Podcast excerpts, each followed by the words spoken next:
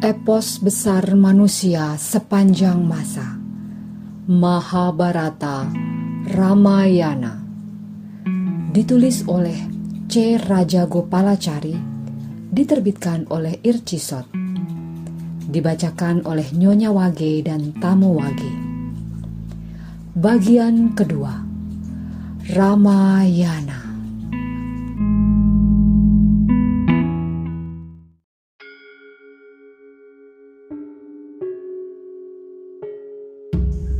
Bab 69 Panah Ular Rahwana beroleh berita tentang bala tentara Rama yang mengepung Alengka seperti samudera yang siap menelan daratan. Dengan marah ia pergi ke menara istana dan melihat keadaan. Di mana-mana ia melihat pasukan Wanara bersenjatakan batu-batu besar dan batang pohon. Dalam hati, ia bertanya-tanya bagaimana mengalahkan pasukan yang sedemikian besar. Pada saat yang sama, Rama melihat kota Alengka dijaga ketat oleh pasukan raksasa. Dengan mata batin, ia bisa melihat bayangan Sinta yang diliputi kesedihan tertawan di antara tembok-tembok besar. Ia perintahkan pasukan untuk segera menyerang. Sambil berteriak lantang, "Hidup Raja Wanara!" Hidup Rama dan Lesmana. Binasakan bangsa raksasa. Bala tentara Wanara deras menerjang kota yang ditakdirkan menemui kehancuran itu.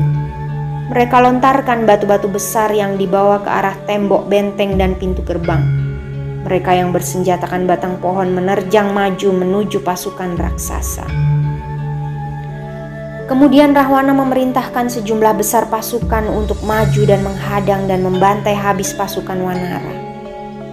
Genderang ditabu bertalu-talu dan trompet ditiup menderu-deru hingga langit serasa akan runtuh.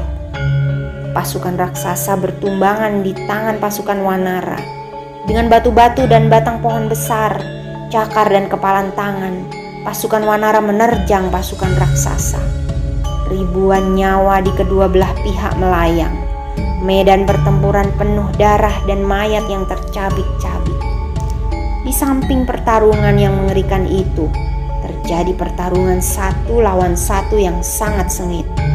Anggada berhadapan dengan Indrajit, seperti Rudra melawan Batara Yama. Prajangga melawan Sampati, salah satu dari keempat teman Wibisana. Hanoman bertarung sengit melawan Jambu Mali. Anila melawan Nikumba. Lesmana bertarung dengan Anggada. Sebagai balasan, Indrajit menghadiahkan pukulan gada.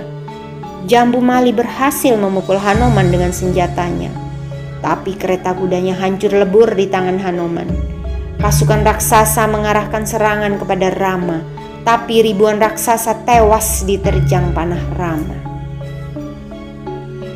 Widyun Mali membidikkan panah ke arah Susena.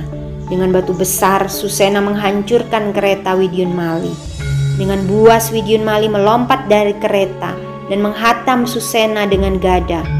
Tapi dengan lincah, Susena mengelak dan membalas dengan hantaman batu. Widyun Mali tewas seketika. Demikianlah banyak prajurit dari kedua belah pihak bertempur dan tewas di medan laga. Sepanjang hari itu perang berlangsung sengit. Ketika malam tiba, para raksasa tak mau berhenti. Pertarungan semakin sengit, darah mengalir seperti aliran sungai. Banyak yang tewas dari kedua kubu. Anggada menyerang Indrajit. Ia tewaskan kuda dan sais kereta serta remukkan kereta Indrajit. Pasukan Wanara bersorak berteriak-teriak girang. Seluruh pasukan Wanara memuji kehebatan sang pangeran karena kehilangan kereta, Indrajit marah besar. Kemudian ia mulai menggunakan ilmu gaib. Setelah buat dirinya tak tampak, ia lontarkan hujan anak panah ke arah Rama dan Lesmana. Serangan itu amat merepotkan Rama dan Lesmana yang sama sekali tak bisa melihat musuh yang melontarkan. Dari segala penjuru, Indrajit terus membidikkan serangan yang mematikan ke arah mereka. Kemudian Indrajit melepaskan naga pasa ke arah Rama dan Lesmana. Terkena serangan senjata sakti itu, mereka tak bisa bergerak dan terbaring tak berdaya di medan laga. Mereka saling tatap bertanya-tanya apa yang harus dilakukan. Melihat keadaan Rama, Lesmana amat sedih. Demikian pula pasukan Wanara yang berdiri mengitari. Mereka dicekam kebingungan dan rasa sedih yang teramat. Indrajit menyerukan ucapan selamat kepada pasukan raksasa. Kemudian ia kembali ke kota dengan hati gembira. Ia menghadap ayahnya. Ia kabarkan hidup Rama dan Lesmana sudah tamat. Bukan main senangnya hati Rahwana. Ia peluk putranya dan memujinya habis-habisan. Melihat Rama dan Lesmana tumbang ke tanah, bala tentara Wanara terpukul dan kehilangan semangat. Mereka mengira semuanya sudah berakhir. Wibisana yang melihat Sugriwa berdiri lemas dan putus asa, mencoba membesarkan hatinya. Jangan bodoh, katanya. Lihatlah wajah Rama dan Lesmana masih bercahaya. Mereka tidak mati. Jangan takut. Sebentar lagi mereka akan siuman dan kembali bertarung. Para pemimpin bala tentara Wanara membesarkan hati. Mereka lakukan semua yang bisa dilakukan untuk menghindarkan kepanikan di antara pasukan mereka. Mereka atur kembali pasukan dan para pemimpinnya. Sementara itu, Rahwana perintahkan kabar kematian Rama dan Lesmana di tangan Indrajit untuk disebarkan. Ia panggil para abdi perempuan dan katanya, Pergilah sekarang juga dan katakan kepada Sinta bahwa Rama sudah mati.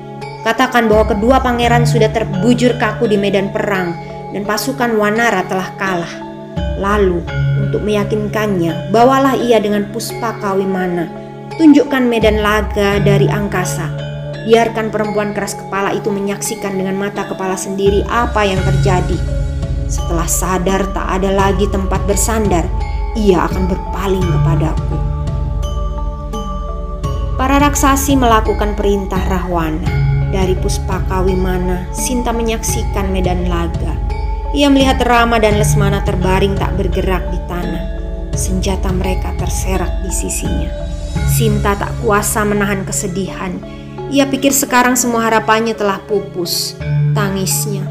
Inilah takdirku. Ramalan para suci dan ahli perbintangan ternyata omong kosong belaka. Mereka katakan aku akan jalani hidup bahagia jadi seorang ibu dan permaisuri yang mulia.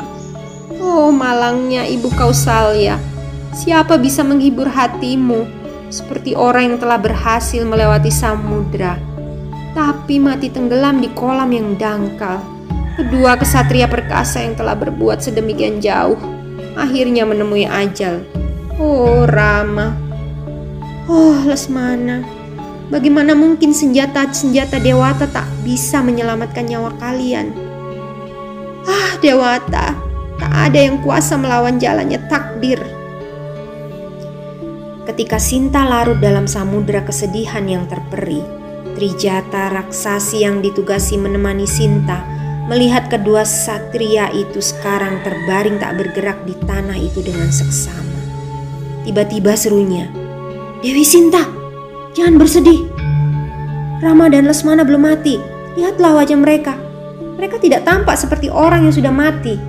Mereka hanya terkena senjata yang sudah diguna-gunai. Mereka hanya pingsan untuk sementara waktu. Lihatlah, pasukan yang masih teratur rapi. Besarkan hatimu, jangan takut. Kata-kata Trijata sungguh melegakan hati Sinta yang kacau balau.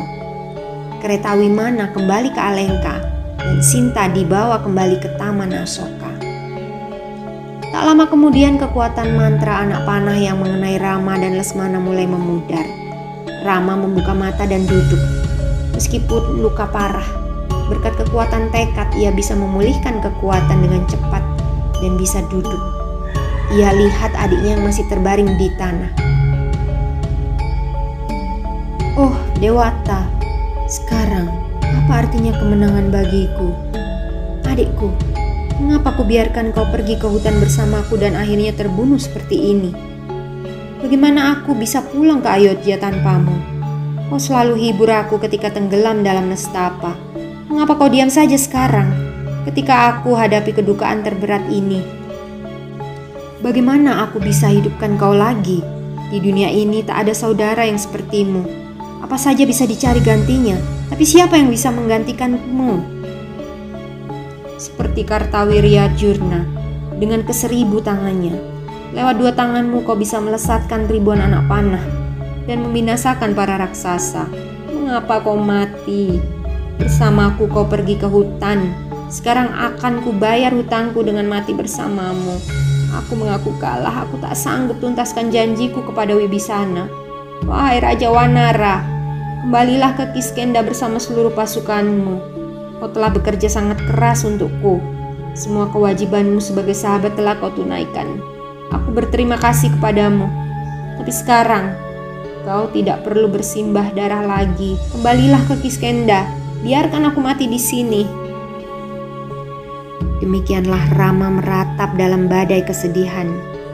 Kemudian Wibisana tiba di sana dengan gada di tangan. Melihat sosok gelap tinggi besar, para wanara mengira yang datang adalah Indrajit. Mereka lari tunggang langgang. Di bagian lain medan laga, Sugriwa dan Anggada bicara satu sama lain. Mengapa para wanara itu lari tunggang langgang? Apa yang terjadi? Tanya Sugriwa. Tidakkah kau tahu Rama dan Lesmana terbaring penuh luka di sana? Jawab Anggada. Bukan, bukan itu. Lihatlah mereka lari ketakutan. Pasti ada yang mereka takutkan, kata Sugriwa. Kemudian barulah Sugriwa tahu bahwa Para wanara yang sebelumnya dibuat kocar kacir oleh Indrajit menyangka Wibisana sebagai Indrajit. Itulah yang membuat mereka lari ketakutan. Ia perintahkan Jambawan untuk mengendalikan keadaan dengan meluruskan apa yang sebenarnya terjadi. Wibisana melihat Rama dan Lesmana. Mereka terluka parah tak berdaya terbelit sekian banyak panah naga pasa. Wibisana menjatuhkan diri dan menangis. berakhir sudah, tak ada lagi yang bisa dilakukan. Sugriwa berkata kepada Susena pamannya, Bawalah Rama dan Lesmana pulang ke Kiskenda. Aku akan binasakan Rahwana, merebut kembali dan membawa Dewi Sinta pulang. Jawab Susena, ada tanaman obat yang bisa menyembuhkan luka-luka dan memulihkan kesehatan kedua pangeran banyak wanara yang tahu di mana tanaman itu. Ini dia Hanoman. Jika kau perintah, ia pasti bisa temukan tanaman itu. Sementara mereka berbicara, angin yang sangat kencang bertiup dari arah laut. Lalu muncullah burung yang sangat besar, Garuda. Ketika Garuda tiba, anak-anak panah ular yang membelit Rama dan Lesmana seketika lenyap anak-anak panah itu adalah ular beracun yang berkat ilmu gaib Indrajit berubah menjadi anak panah. Ular-ular itulah yang melumpuhkan Rama dan Lesmana. Ketika Garuda yang adalah musuh bebuyutan dan yang paling ditakuti ular-ular itu datang, mereka itu melarikan diri. Kemudian dengan lembut Garuda menyapukan sayapnya ke tubuh Rama dan Lesmana. Ajaib, Rama dan Lesmana langsung pulih seperti semula. Luka-luka mereka sembuh, mereka bangkit berdiri, lebih kuat dan lebih segar daripada sebelumnya. Siapakah engkau, wahai dewa penolongku? Tanya Rama yang sama sekali tidak tahu jika dia adalah jelmaan Batara Wisnu dan Garuda adalah binatang tunggangannya sendiri. Aku adalah sahabat baikmu, teman lama, Semoga kemenangan menjadi milikmu. Sekarang izinkanlah aku pergi. Setelah perang usai, kita akan saling mengenal dengan lebih baik. Setelah berkata demikian, burung besar itu pergi. Melihat Rama dan Lesmana telah pulih seperti sedia kala dan siap bertempur kembali. Semangat tempur pasukan Wanara menyala-nyala kembali mereka lanjutkan menyerang benteng Rahwana.